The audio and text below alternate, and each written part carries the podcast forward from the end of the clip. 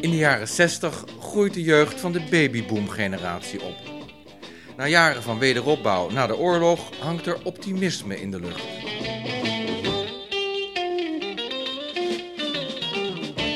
De lonen stijgen en er worden producten uitgevonden die het leven gemakkelijker maken. En daar is geld voor.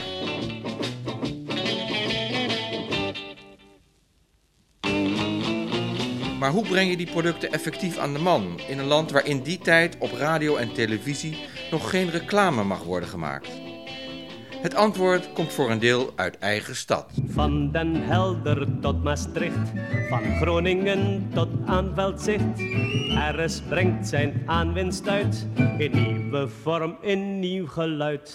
Een platenspeler van formaat, van degelijk Nederlands fabrikaat. Voor symfonie, voor jazz of pop, RS staat weer aan de top. Plaatjes voor die platenspelers zijn booming, maar nog duur. Dus maken veel organisaties gratis of bijna gratis plaatjes. RS speelt de hoofdrol weer. Die bevatten veelal muziek, met daarin een op kunstige wijze verpakte boodschap. Luister naar dit eerste deel van het luisterarchief over reclameplaatjes. Singeltjes, meestal van die dunne, flexibele, die ik voor een groot deel heb opgediept in de geklimatiseerde kelders van het Haags gemeentearchief. Zo zingen de Golden Earrings, Rum en Coca-Cola.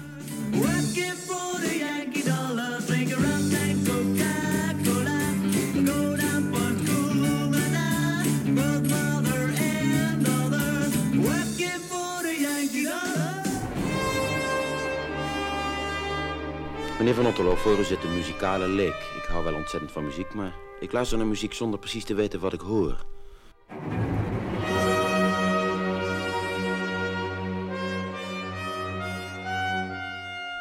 En ik zou nou zo graag eens van u willen weten, hoe reageert u nou op muziek? Paul van Vliet bevraagt de dirigent van het residentieorkest over klassieke muziek. Ja, ik geloof dat ik in principe net zo reageer als u. Alleen iets bewuster. Ik geloof dat er in dit opzicht geen verschil is, geen wezenlijk verschil tussen een leek, iemand die van muziek houdt, en een muzikus. En Ramses Shaffi waagt zich aan iets wat je niet van hem zou verwachten. Maar mocht je ooit eens denken aan, aan wat zoal gebeuren kan, bedenk er is een heel goed ding. En dat heet levensverzekering.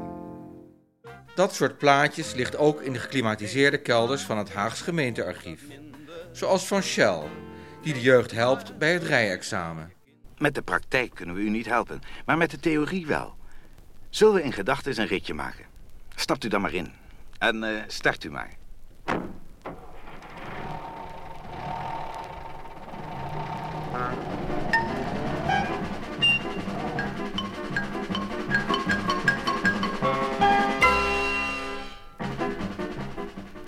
Wat weet u van de voorrangsregels? Snel verkeer, dat zijn motorrijtuigen, gaat voor op langzaam verkeer.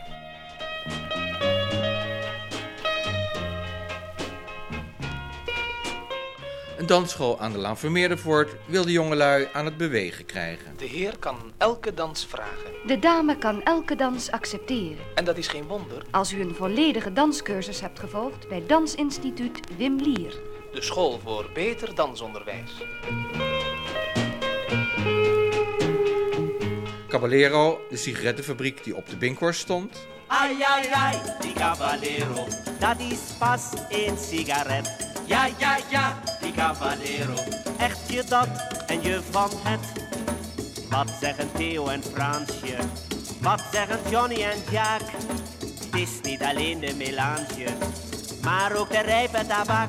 Maar een andere club is daar weer op tegen. Sorry, het heeft niks met dit nummer te maken, maar ik wou toch even zeggen dat roken hartstikke ongezond is. De Haagse wethouder Dankelman wil zijn bestuursfunctie graag voortzetten. Als ik de wethouder goed begrijp, dan worden straks een heleboel verboden opgeheven en mag je verder doen wat je wil. Dat vind ik wel leuk. Maar dan moet u ook op hem stemmen op 1 juni aanstaande. Het wordt dus Dankelman. VVD. Die plaatjes zijn de aanleiding voor de Haagse verhalen die je in deze podcast gaat horen. Plus een gesprek met Frits Jonker, een van de grootste verzamelaars van reclameplaatjes, die er ook een boek over heeft gemaakt. Ik laat me graag verrassen door iemand die zegt, nou, heb je hier wel eens van gehoord? Of heb je dit wel eens gelezen? Of, uh, dus ik zoek ook altijd naar dingen die ik nog niet ken, eigenlijk. Ik, ik zeg ook wel eens voor de grap, ik verzamel alles wat ik nog niet heb. Dat is uh, makkelijker dan dat je zegt wat je zoekt. Beat met de Blue Fighters. When I hold you tight tonight, I say to you, to you,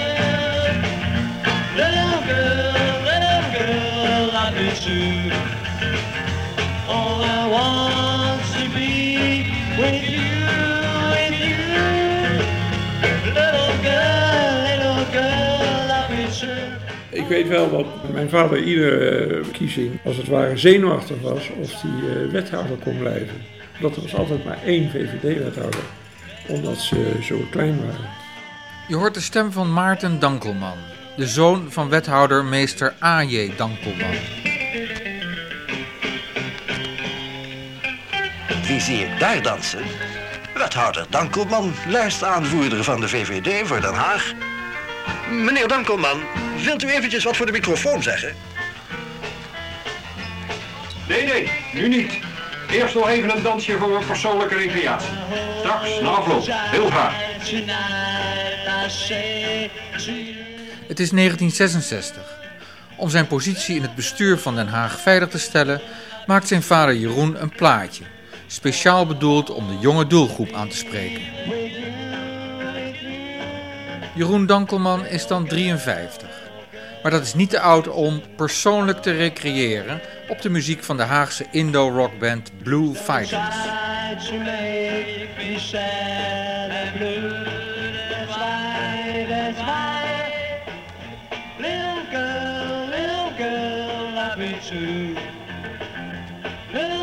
En als het beatnummer klaar is, heeft hij tijd voor een ongedwongen interview.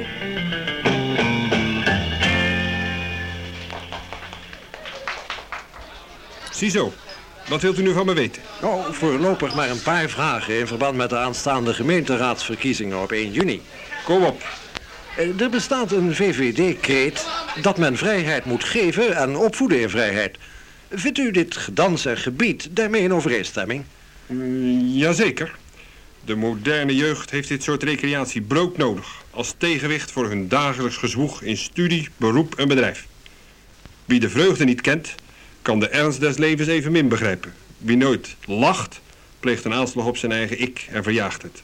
Recreatie is dus niet zomaar een lolletje, maar een ernstige zaak. En in het licht bezien zijn beat en dans nuttig en zelfs noodzakelijk. Juist. Een noodzakelijk dansje, Blue Fighters. Beat it, boys.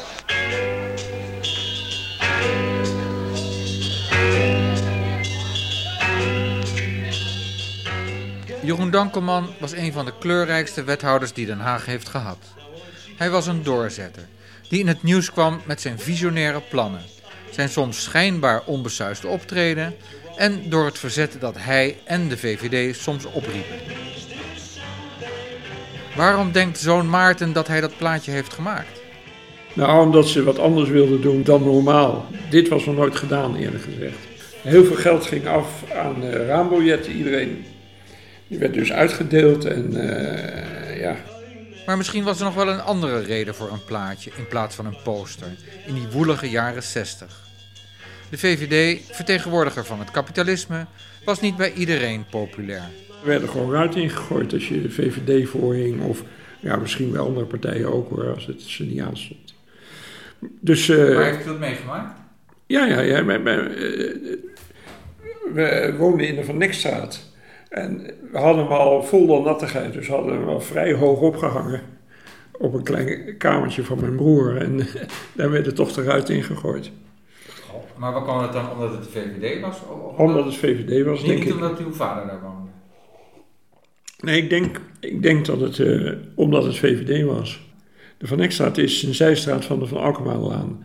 Dus vlakbij de uh, Bronnenvo. Als je dus richting Scheveningen rijdt, dan rechtsaf. Tegenover die benzinepomp. In de buurt van Klingendaal dus.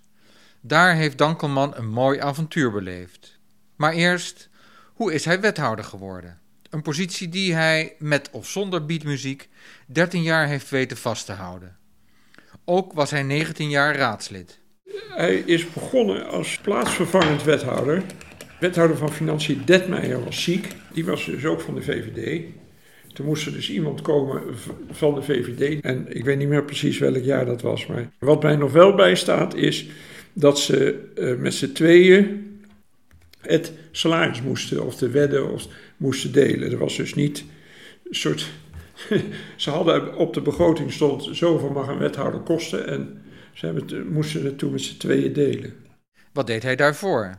Voor zijn wethouderschap heeft hij gewerkt op het ministerie van Wederopbouw. Dat was eh, waar nu de eh AWB zit, was een, eh, was een soort ministerie en die hielden zich bezig met eh, wederopbouw.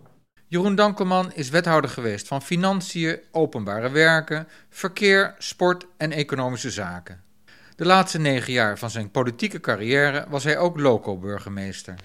Er bestaat een VVD-kreet dat men vrijheid moet geven en opvoeden in vrijheid. Vindt u dit gedans en gebied daarmee in overeenstemming? Jazeker. Is Maarten Dankelman ook vrij opgevoed? Nee, ik geloof niet. nee. Wij waren toch, eh, wij werden gewoon, eh, moesten netjes doen wat er gezegd werd. Hè, als, ik, eh, als ik uit de klas gestuurd werd, ging niet mijn vader de volgende morgen die leraar een klap op zijn bek geven, maar kreeg ik extra straf. Hè, dus eh, als ik zei van ja, eh, dus het was, hij, trok altijd partij voor eh, degene die het gezag had, laat maar zo zeggen. En nu lees je wel eens dat als het kind niet de hoofdrol heeft in een, in een musical, dat dan de vader met zijn auto naar binnen rijdt. Maar eh, nee, dat had hij bij ons niet gedaan. Trok hij partij voor het gezag? Eerder dat jaar is Jeroen Dankelman op de bon geslingerd omdat hij zijn hond vrij liet lopen in park Klingendaal. Beat it,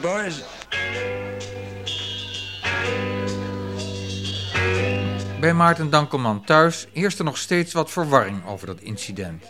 Ik begrijp nog steeds niet waarom eh, mensen daarop tegen waren. Volgens nieuwsberichten uit die tijd is er een heftige discussie ontstaan tussen Jeroen Dankelman en een parkwachter, die het verbod op het vrij uitlaten van honden wilde handhaven. Hij zal wel iets gezegd hebben tegen die parkwachter, maar ik weet niet wat ze zeggen dat hij gezegd heeft.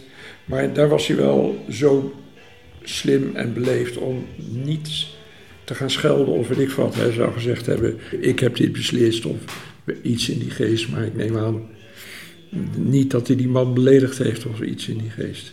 Feit was namelijk dat Dankelman zelf dat hondenverbod had opgeheven, kort voor deze botsing met het gezag. Hij vond namelijk dat kijkgroen moest worden veranderd in gebruiksgroen.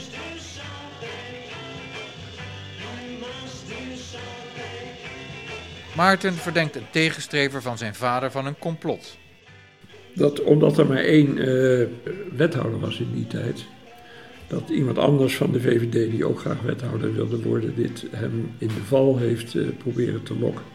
Maar de details weet ik niet precies. Ik wil verder ook niemand eh, beschuldigen met name. Maar complot of niet, drie dagen na het incident verdwijnen de verbodsborden als sneeuw voor de zon. Maar nu zijn we toch wel benieuwd naar dat hondje. Was dat er een met scherpe tanden? Er was een eh poedel, kleinste uit het nest, met een korte staart en eh, enorm veel plezier van gehad van die hond. Kaatje heette die, Kara. Was Dankelman een echte VVD'er? Eh, ja, wat, wat is een echte VVD'er? Voor de zelfontwikkeling van de mensen was hij wel voor. Hij vond dus wel dat eh, iedereen kansen moest krijgen. En als ze die kansen kregen, moesten ze hem begrijpen. En als ze die kansen niet grepen, ja, dan had hij niet zo heel erg veel eh, medelijden met ze. Dus hij vond wel dat iedereen een kans moest krijgen. En hij hoopte ook dat ze. Hij had ook groot ontzag voor, eh, voor vuilnisopname, ophalers of weet ik veel wat. Mensen die het vuile werk deden en echt gewoon hard werkten. Maar voor, voor mensen die een uitkering of zo haalden terwijl ze wel konden werken, wat toen wel in die tijd wel voorkwam, en nu misschien ook nog wel, daar zag hij niet zoveel in. Toch nam Dankelman de moeite een groep aan te spreken die in die tijd wel langharig werkschuw tuig werd genoemd.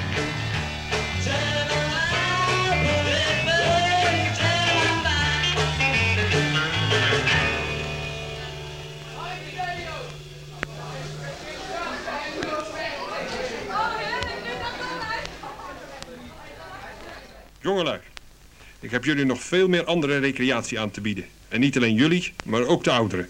Wat denkt u van een dansje op de nieuwe Scheveningse promenade? Wat zegt u van een happening op diezelfde promenade, maar nu op de Happening Hill? En wat had u gedacht van een vrij uur op de Haagse sportvelden, in de parken en de plantsoenen? Dat zou iedere Hagenaar, jong of oud, natuurlijk heel welkom zijn... als er maar niet zoveel verboden was. Je mag haast niks meer in de buitenlucht. Nou, daar zeg je me zo wat. Het hele dagelijkse leven zit propvol met verboden en hinder. Dat moet inderdaad vereenvoudigd worden. En dat wil de VVD nu juist. U kunt bij mij altijd aankloppen met voorstellen in die richting. Voor zover ik ze tenminste zelf al niet bedacht heb. Als ik de wethouder goed begrijp, dan worden straks een heleboel verboden opgeheven en mag je verder doen wat je wil. Dat vind ik wel leuk. Nee, nee, nee, nee, juffrouw, nee, juffrouw, nee, dat nee, is nee, niet, eh, Legt u het maar uit. Ja, n- nee, mevrouw, helemaal niet. Want een nette burger gedraagt zich buitenshuis net zo behoorlijk als binnen. U maakt natuurlijk eh, goed gebruik van uw vrijheid. Want u hebt de buitenrecreatie net zo hard nodig als de volgende topper. Hup, Blue Fighters! Let me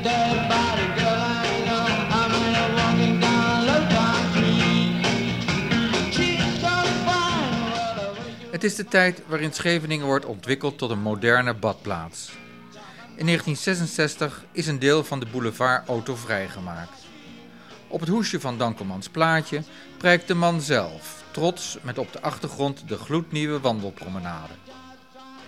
De wethouder spant zich in voor meer hotels en motels op Scheveningen. En accommodatie voor als het slecht weer is, in de vorm van een golfslagbad en een oceanarium. En een betere ontsluiting van de badplaats. De Van Alkemadelaan is dan berucht om de filevorming. Verkeer zou zelfs met televisiecamera's en computers moeten worden geregeld. Dat zijn revolutionaire ideeën voor die tijd. Waar haalt Dankelman die vandaan? Mijn vader is dus 12 jaar wethouder geweest. Heeft eh één keer een eh, reis gemaakt. En ik geloof dat dat toen naar eh, Tivoli of, of ergens in Denemarken is hij geweest. Om te kijken naar, eh, naar een, zoiets wat ze daar gedaan hadden om, eh, als voorbeeld voor Scheveningen. Dan weet ik dus wel dat hij één keer naar het buitenland is geweest in zijn hele le- wethoudersbestaan. Ik weet dus dat hij op een gegeven moment zei: Ja, we kunnen allemaal wel proberen het eh, wiel uit te vinden. Maar als het al uitgevonden is, kunnen we beter even gaan kijken ergens. Dankelman is overigens geen uitgesproken voorstander van gemotoriseerd verkeer. Zo keert hij zich tegen het plan voor 400 parkeerplaatsen op het Malieveld. Want lopen, dat kan ook. Hij was zelf een fietser. Hè? Hij fietste altijd eh, eh, naar kantoor. En vier keer op een dag, want hij ging altijd lunchen bij mijn moeder. Want het is niet zo ver. Het is oude stadhuis toen naar, eh, naar de Van Ekstraat. Dus hij ging altijd tussen de middag eten en dan ging hij weer terug. Altijd op de fiets. Hij was niet anti-auto, maar hij wilde graag een beetje fit blijven, neem ik aan.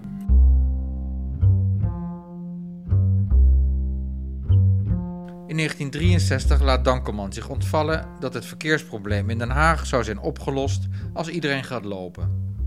Dat komt op die manier in de krant en het kost hem tijdelijk zijn portefeuille verkeerszaken. Maar na excuses aan de gemeenteraad krijgt hij die weer terug. Misschien past Dankelman een andere portefeuille beter, zeker als het aan zijn zoon Maarten ligt. De beste tijd is natuurlijk geweest toen hij eh, wethouder van sportzaken was. Want toen, eh, ja, toen zijn we overal geweest met z'n tweeën. Er zijn niet veel sporten waar ik niet naar het Nederlands kampioenschap of weet ik veel wat geweest ben. Ik ben heel vaak naar ADO. Mijn vader was dus zelf ook een voetballer. Hij heeft dus eh 385 wedstrijden HV1 gespeeld. En dat was toen, in die tijd, in, eh, voor de oorlog en in de oorlog, was er helemaal niks anders dan voetbal. Dus voor, de, voor de, de mensen als vertier was wel alleen maar voetbal. Dus dat een ontzettend belangrijke plaats in zijn leven gehad. Het voetbal. Dus hij ging met, eh, toen hij wethouder was, ging hij heel graag naar ADO. Dus eh, ze speelden hoog, kwamen veel mensen kijken. En eh, nou, ze kenden hem als voetballer. Ze kenden hem meer als voetballer dan als wethouder. Als we naar eh, voetballen gingen, dan eh, zeiden ze... Ah, meneer Dankelman, en uh, want hij was dus keeper. En als hij dan uitschopte, dan stond de jeugd achter de goal. En die zeiden dan Rutboem. Dus nou zeiden ze nog, eh 30 jaar later, zeiden ze... Ah, Rutboem. Daar kenden ze hem van, als het ware. En dan later pas een beetje als wethouder. Dus je kunt van voetballer kun je wethouder worden. Ja, dat zou, dat zou kunnen. Oh, zeker. Ik weet zeker dat als eh, Marco van Basten of zo een partij zou oprichten, dan krijgt hij gegarandeerd 20 zetels. Wat hij ook zegt. Op de cover van het plaatje staat Dankelman dan ook met een das van de wat chique Haagse voetbalclub HVV. Als je zo'n plaatje maakt, moet je ook wel gevoel voor humor hebben. Hij was geestig, ja. Hij, hij had, eh, ja, hij had eh, natuurlijk wel voetbalhumor. En eh, ja, in de kleedkamer moet je wel, moet je toch nog wel een beetje van je afbijten en geestig zijn en weet ik van wat. En omdat hij is wel, hij drukte wel behoorlijk zijn stempel op, op alles en iedereen. Ja, hij was zeker competitief. Hij was niet bang. Als hij iets, iets eh, vond dat hij moest gebeuren, dan wilde hij dat wel graag dat dat eh, gebeurde.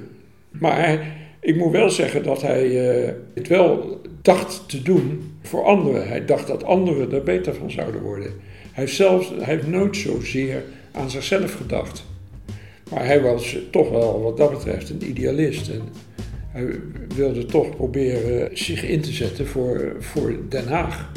Ik weet ook dat, hij, eh, dat dat ten koste van hemzelf vaak gegaan is. Want het was natuurlijk veel makkelijker om eh, iedereen gelijk te geven en mee te waaien met alle winden.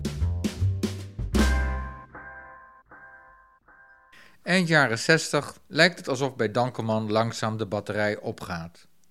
In 1970 is hij weer onderwerp van een lelijk akkefietje, als hij aan het einde van de Sportlaan een oude, gekraakte militaire kazerne van de Milva laat slopen. Er zaten allerlei provo's, of men noemde dat provo's in. En toen had mijn vader de beslissing genomen om, eh, om die zaak af te breken en er wat anders van te maken. Dat heeft wel een hoop ellende opgeleverd. In die zin dat eh, van de Van Ekstraat waren mijn ouders verhuisd naar de Keivoklaan. En daar waren allerlei dingen op, eh, ja, meer op de ingang eh, van de flat. De Keivoeklaan ligt aan het begin van de Sportlaan. Op de poster stond meester Dankelman, meester Sloper. Je kan beter de onbekende meneer X zijn die eh, zijn sommetjes oplost ergens, dan de bekende meneer. Eh, want dat, dat brengt een hoop ellende mee. En ik neem aan in deze tijd nog veel erger is dan toen. Ik kan me herinneren, wat nu dus ook niet meer het geval zal zijn, is wij stonden gewoon in het telefoonboek. Drie, vier keer per dag werd er opgebeld door een of andere vent die, eh, die mijn vader begon uit te schelden. Of ja, meestal, mijn vader was meestal niet. Dus mijn moeder nam hem op. En die werd dan, eh, die, die zei dan, ja, mijn man is er niet, maar dan werd, hij, werd ze toch uitgescholden. Ik weet wel dat eh, er waren nog wel wat doodsbedreigingen en toen durfde mijn vader de hond niet meer uit te laten.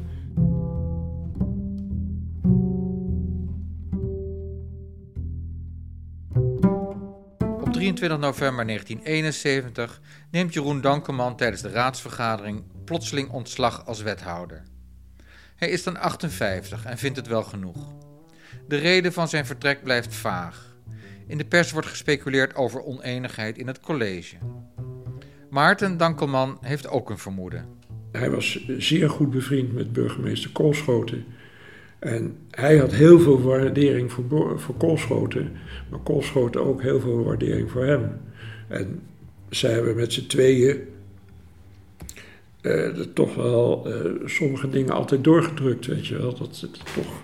En later, toen uh, Koolschoten wegkwam, was Marijne en daar kon hij het veel slechter mee vinden. Hij was ziek, kon er niet meer tegenop en heeft toen uh, zelf de handdoek gegooid.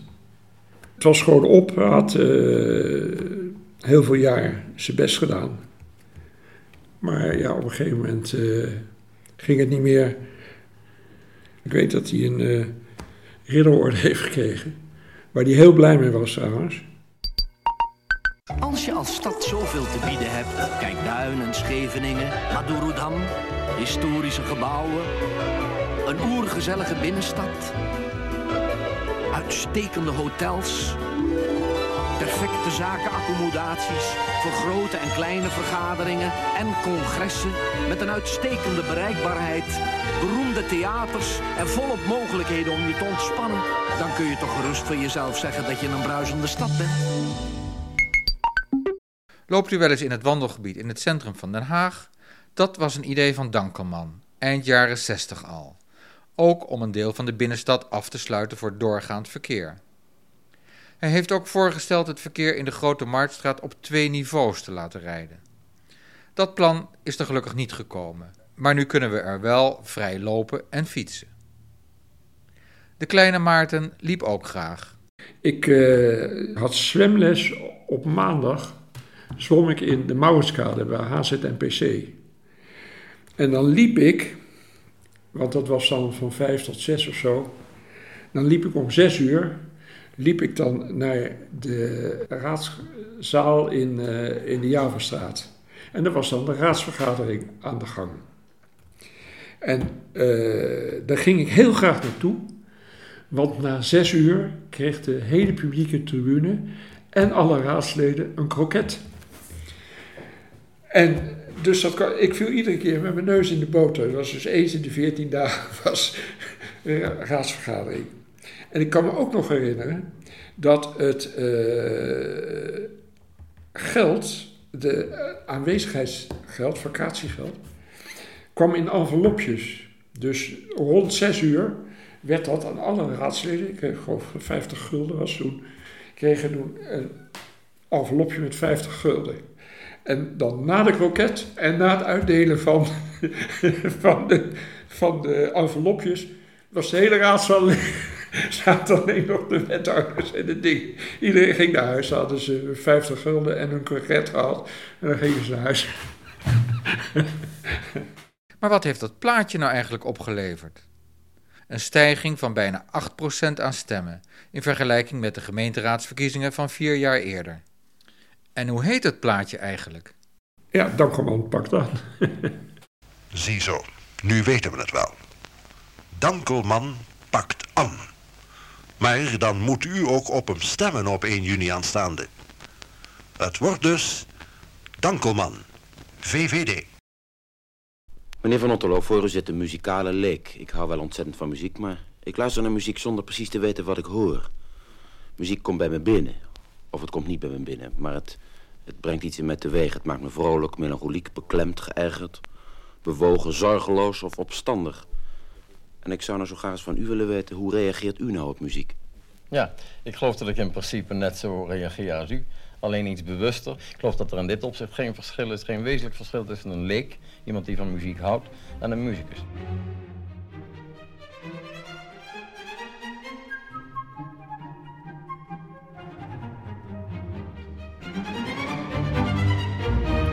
De eerste stem heb je waarschijnlijk herkend. Paul van Vliet. Hij praat met Willem van Otterlo, chef-dirigent van het residentieorkest.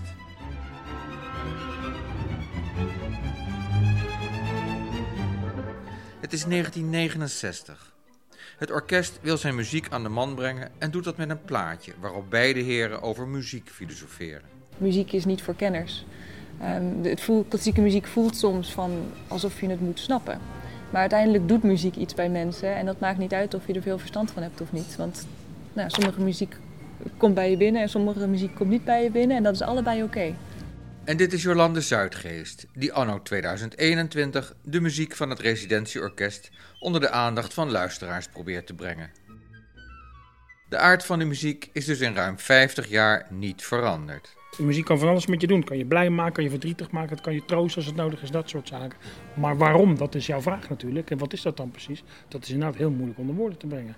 Maar het heeft met sfeer te maken, het heeft met herinnering te maken. Het heeft misschien ook wel heel fysiek enthousiasme en adrenaline en weet ik allemaal niet wat. Allemaal dingen die langskomen. In ieder geval wel bij mij als ik in een, eh, in een concertzaal zit of een plaatje opzet, noem maar wat. En dat was de stem van Wart Koopmans, net als Jolande betrokken bij het orkest en de vriendenvereniging. En bovendien ook zelf muzikus. Als je mensen warm wilt maken voor muziek en ze dat ongrijpbare karakter wil laten voelen, hoe doe je dat dan? Dat ligt in 1969 net zo voor de hand als in 2021. Zorg dat mensen de muziek horen en knoop een praatje aan over die ongrijpbaarheid. Muziek is dus voor u eigenlijk een gevoelsmatig, zuiver gevoelsmatige kunst. Mm, Ja, het is een gevoelsmatige kunst vanaf het moment dat je het hoort, maar het is niet alleen maar een gevoelsmatige kunst voor degene die het maakt.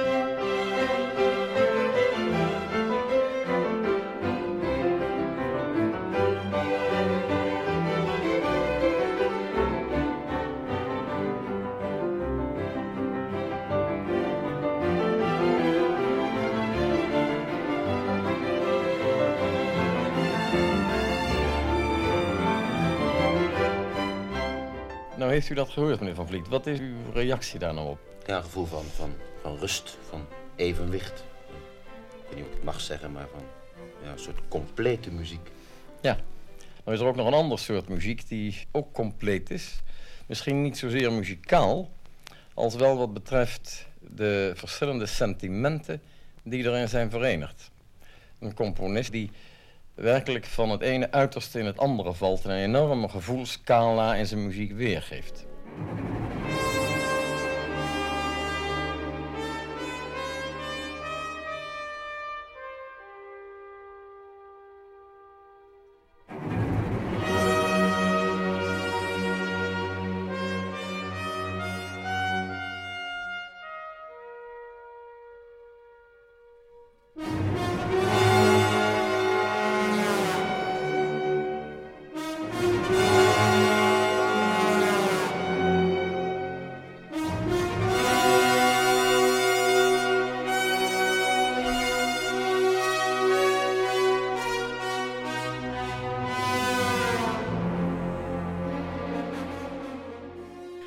Heeft het residentieorkest dit plaatje gemaakt? Ja, het, het idee achter het plaatje was eigenlijk een wens van het residentieorkest en de vereniging Vrienden om inderdaad jonger publiek eh, naar de zaal te trekken. Zowel als concertbezoeker en dan hopelijk ook als, als vriend van het orkest. alle tijden. Ja, er is uiteindelijk niks veranderd. Ook in dit opzicht is er inderdaad niet veel veranderd, want luisteraars en vrienden worden ouder.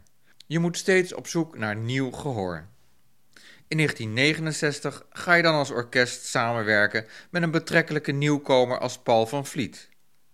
In deze tijd treed je op in het paard. Ik kan me nog herinneren dat we met Anneke van Giersbergen stonden. Zij is echt een, eh, een metal eh, zangeres. Dus daar stonden echt, het was helemaal uitverkocht, duizend man, maar echt mensen, lange haren, zwarte t-shirts die je normaal nooit in de concertzaal ziet, maar die echt een topavond hebben gehad. Dus dat was wel heel erg leuk.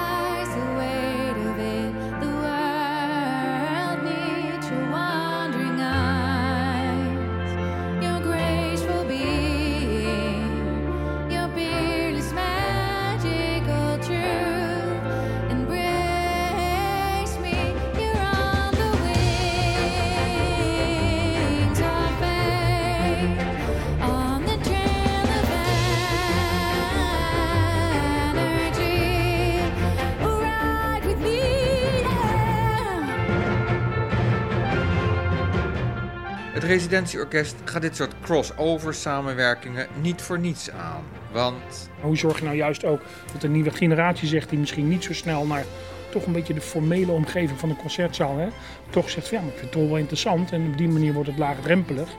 En als ik dat een keer online gezien heb, of in het Zuiderpark in, eh, in, in, de, eh, in de open lucht, dan ga ik misschien toch de volgende keer een keer naar een concert toe. En een zeker virus heeft de aanstoot gegeven tot het gebruik van nieuwe communicatievormen. Met een ander Haags bandje, genaamd Direct. Dat was een samenwerking die al heel lang op het wensenlijstje stond eh, en die dus door corona opeens mogelijk werd. Eh, dus we hebben met Direct een livestream gegeven vanuit het Circus Theater. Niet voor mensen in de zaal, eh, maar wel voor bijna 45.000 mensen online. Maybe a touch too real. Is it okay if I cry out loud? In the place where emotions don't count. It might feel like I'm too much. Oh, can I laugh when no one else does?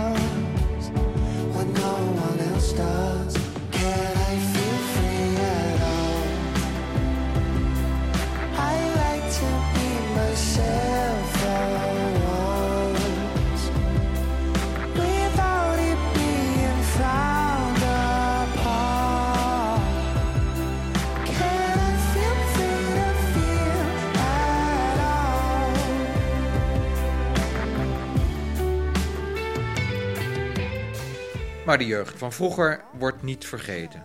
Tijdens de coronacrisis hebben we echt onze muzici gevraagd van willen jullie onze bezoekers en vrienden bellen?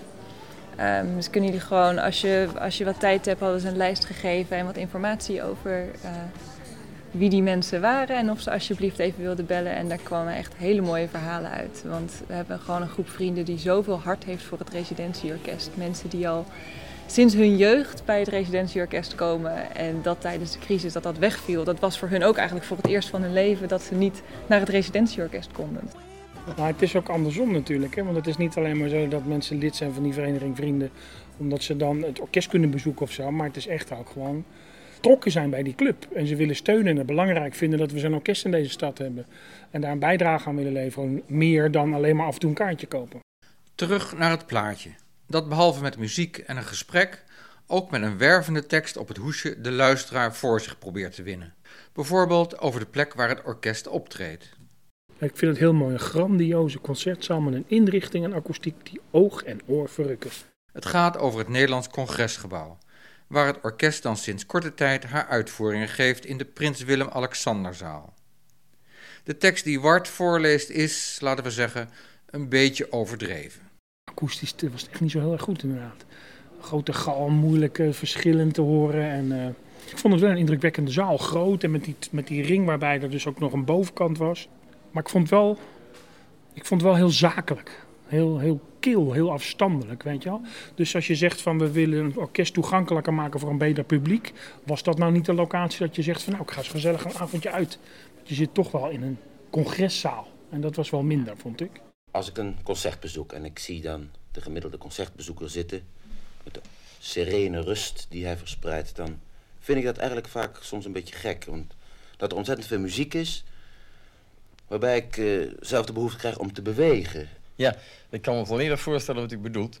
Er is natuurlijk zonder twijfel veel muziek die zeer opwindend is. Ik denk aan een symfonie van een beroemde componist waarvan Wagner heeft gezegd dat het als het ware de apotheose van de dans is.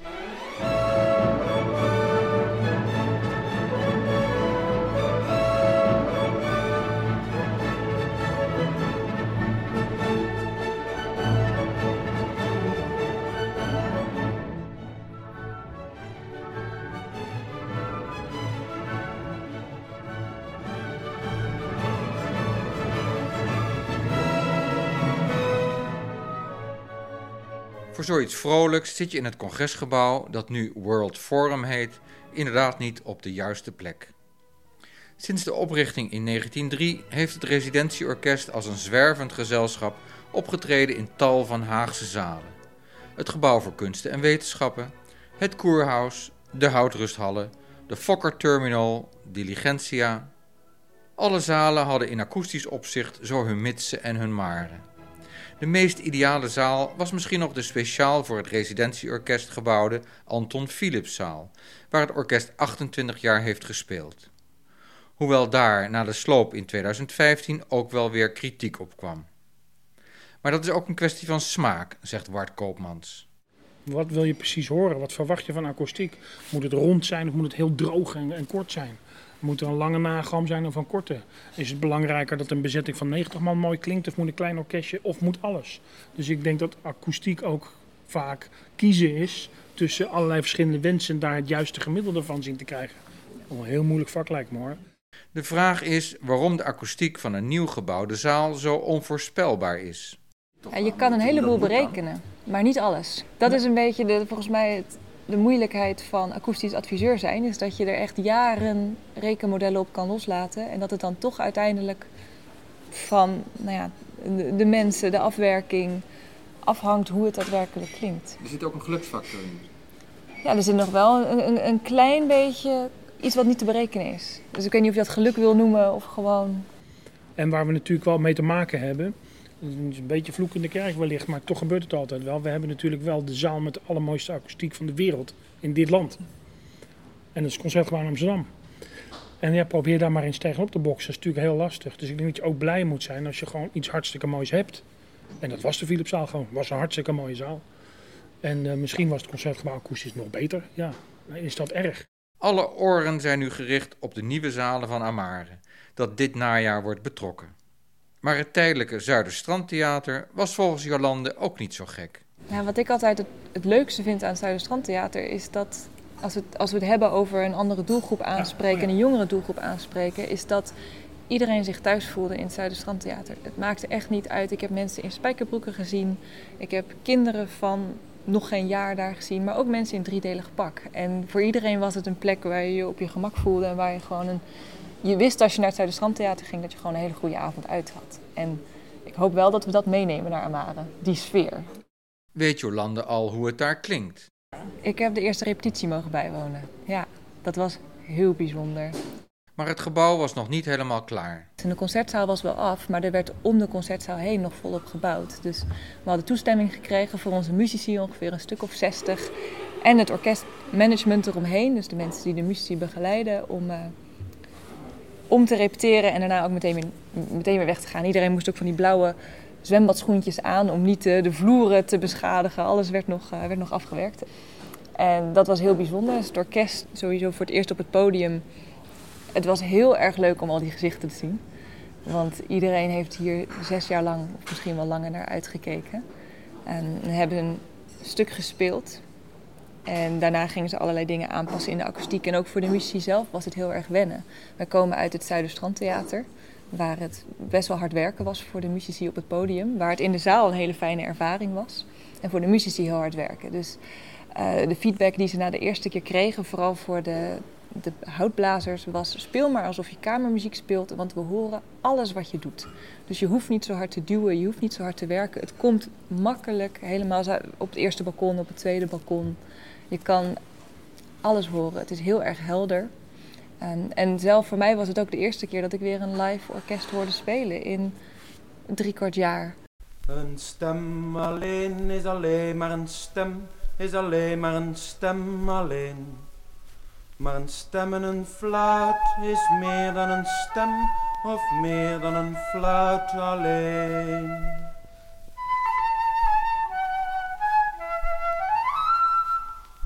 Bas alleen is alleen maar een bas, is alleen maar een bas alleen. Maar een fluit en een bas is meer dan een fluit of meer dan een bas alleen. Een stem en een bas en een fluit en een hoorn is meer dan een hoorn en een bas. En een bas en een stem en een fluit en een hoorn is meer dan een hoorn alleen.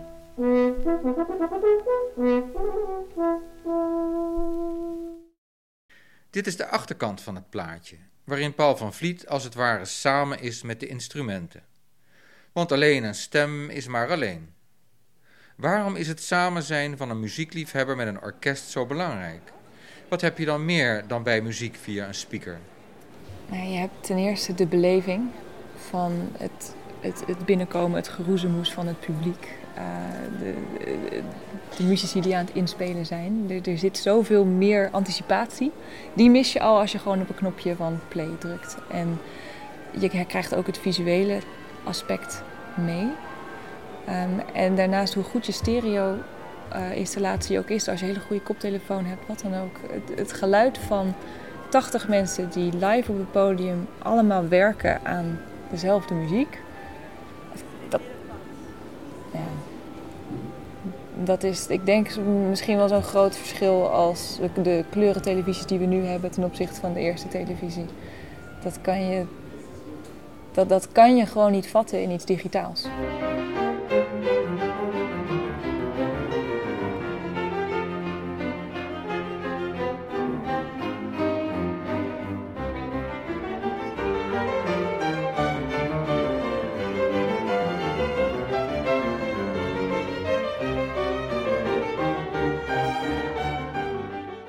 Beleving van in de zaal zitten waarbij je het ook voelt, hè? het echt ervaart.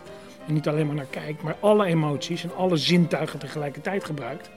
Want het is echt ook de geur van al die mensen in de zaal. Klinkt heel raar misschien. Maar de trilling van het geluid. eh, het licht dat uitgaat of een beetje gedimd wordt. Eh, je, je voelt ook het enthousiaste van de mensen om je heen. En misschien is nog wel de belangrijkste andersom vanuit het orkest.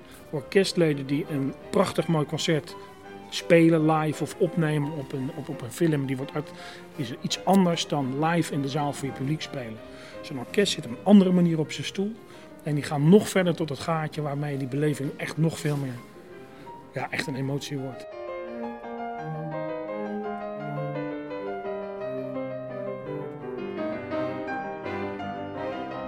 Plaatje van het residentieorkest en Paul van Vliet is in een oplage van 110.000 exemplaren verspreid via middelbare scholen in Den Haag en omgeving. Hoe was het resultaat? Ze waren er niet zo heel enthousiast over. Ze hadden er meer hogere verwachtingen van. Er zijn uiteindelijk ongeveer 300 nieuwe vrienden uitgekomen. Maar wat wel een heel mooi resultaat was, eh, is dat de jeugdconcerten de, de jaren daarna gewoon helemaal vol zaten. Dus dat was wel heel leuk. En als ik met het publiek praat, wat wij dus nu in de zaal hebben zitten, dan zijn de jeugdconcerten, schoolconcerten van Willem van Otterlo, daar is bij heel veel de liefde voor het residentieorkest begonnen. Ook bij Paul van Vliet. Die zat ook in de zaal met Willem van Otterlo, eh, wel iets eerder. Ehm, die heeft ook die schoolconcerten bijgewoond als middelbare scholier. Het plaatje was dus toch een nuttig instrument. Wat bespeel je anno 2021? Toen was het een plaatje. Maar de drager is niet eens zo verschrikkelijk van belang. Dit is natuurlijk eigenlijk gewoon een podcast avant la lettre. Het is een gesprek tussen twee mannen die het mooi vinden om over hun passie te praten. En ze halen daar fragmenten en voorbeelden bij om dat, nou, die, die voorbeelden te laten zien aan de luisteraar. Of te laten horen aan de luisteraar. Maar het is eigenlijk gewoon een podcast avant la lettre. Luister naar de podcast Toonaarde van het Residentieorkest. Het Residentieorkest gaat niet alleen naar een nieuwe zaal, maar krijgt ook een nieuwe chef-dirigent, de Duitse Anja Bielmeijer. Ze woont nu in het Statenkwartier en spreekt al goed Nederlands. Wat is Jolandes geheimtip voor de beste plaats in de zaal om naar haar inspanning te luisteren? Ja, dat moeten we nog gaan ontdekken. Zeker, want als die zaal vol zit met allemaal mensen, is de akoestiek anders. Het wordt nog heel erg, heel erg zoeken. ik, verwacht eh, het eerste balkon, omdat je dan heel mooi zo kan, kan kijken. Het voelt heel dichtbij. De zaal is op papier heel groot. Er kunnen 1500 mensen in, maar het voelt heel klein. Eh, heel, heel compact. Eh, dus ik denk eerste balkon dat je daar heel goed zit. Een stem alleen is ontzettend alleen. Een stem alleen kan niet alleen. Maar een stem met een bas en een fluit en een hoorn en een cello en een pauk en viool. Een trombone, een trompet, een fagot en oboe is een stem, maar geen stem meer alleen. La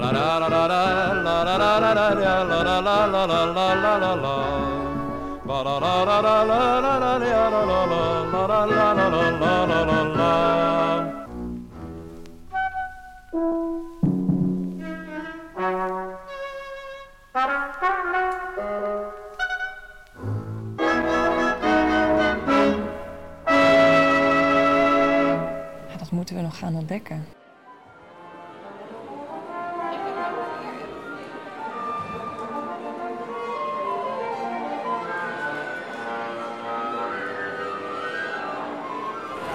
Dames en heren, Welkom, welkom in Amare, in, u, in jullie nieuwe concertzaal. Wat een prachtig cadeau voor onze stad, dit gebouw, en vooral ook deze zaal. Ja, voor ons voelt het als een nieuw tijdperk. Ehm, het is allemaal weer veranderd. Onze oude kantoren zijn gisteren afgebroken. We kunnen ook niet meer terug. Dus we zitten nu hier en zijn ontzettend blij in deze prachtige zaal. Wat fijn jullie hier te zien. Het is voor ons, het zijn al een aantal weken die we hier mogen werken. Het is een feest. Het is als zuurstof. Eerlijk eh, dat ons orkest, het presidentsorkest, vandaag voor u hier is.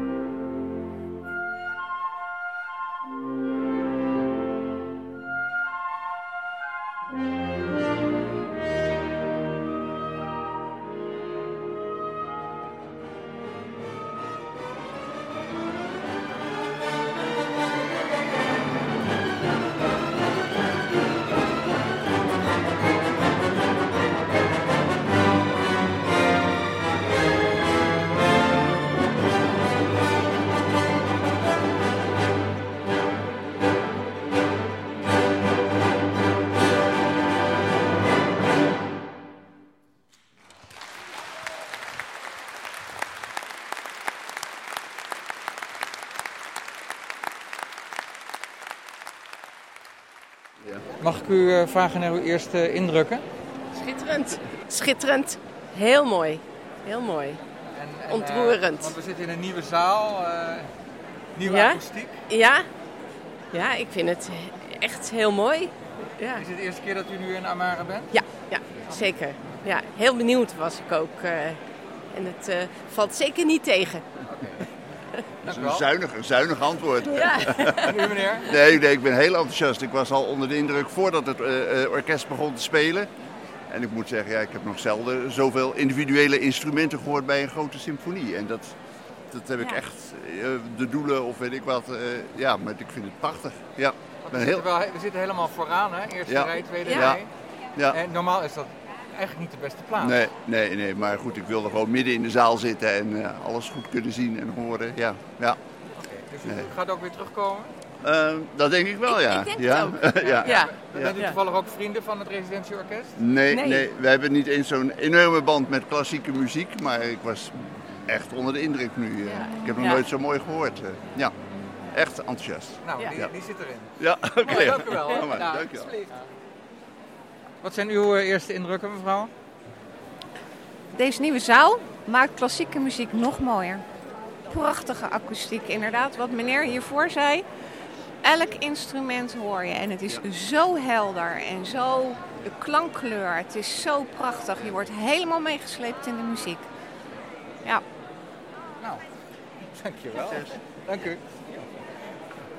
Kunt, kunt u mij vertellen hoe het is om in deze zaal te spelen? Ja, dat, dat, dat moet je horen, dat moet je doen, dat is geweldig.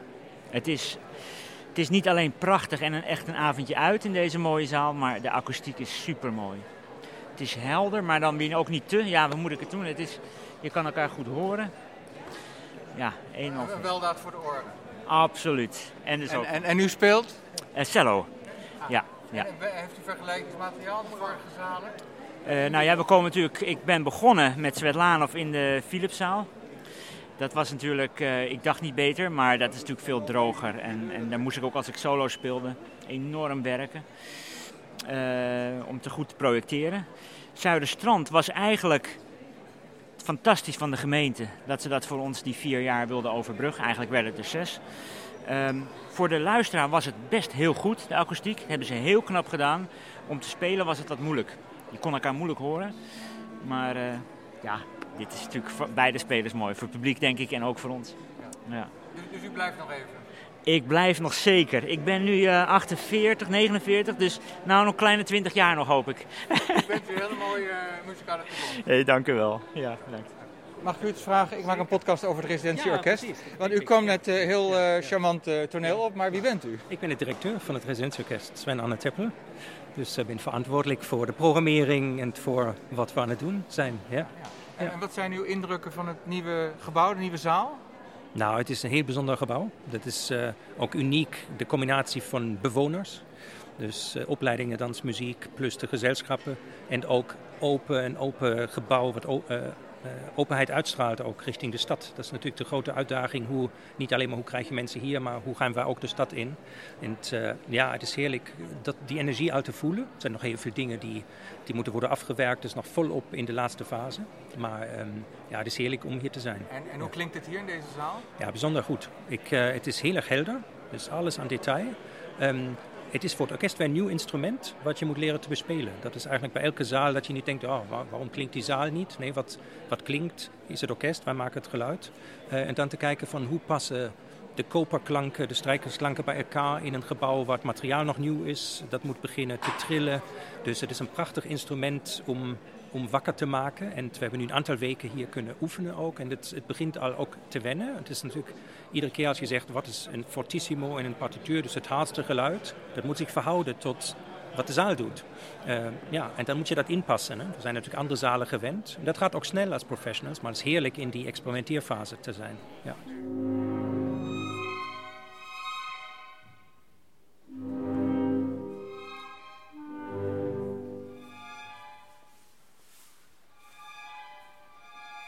Jolande, wat zijn de eerste reacties die binnenkomen?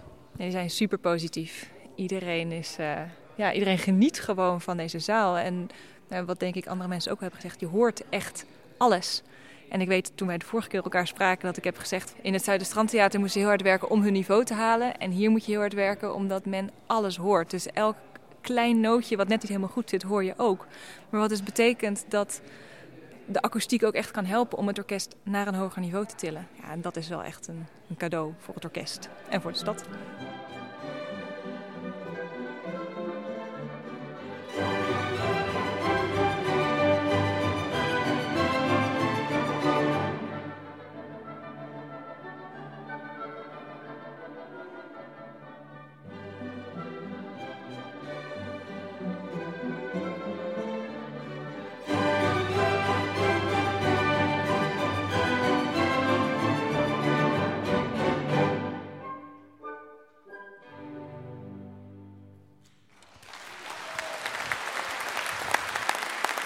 Was het eerste deel van het luisterarchief over reclameplaatjes.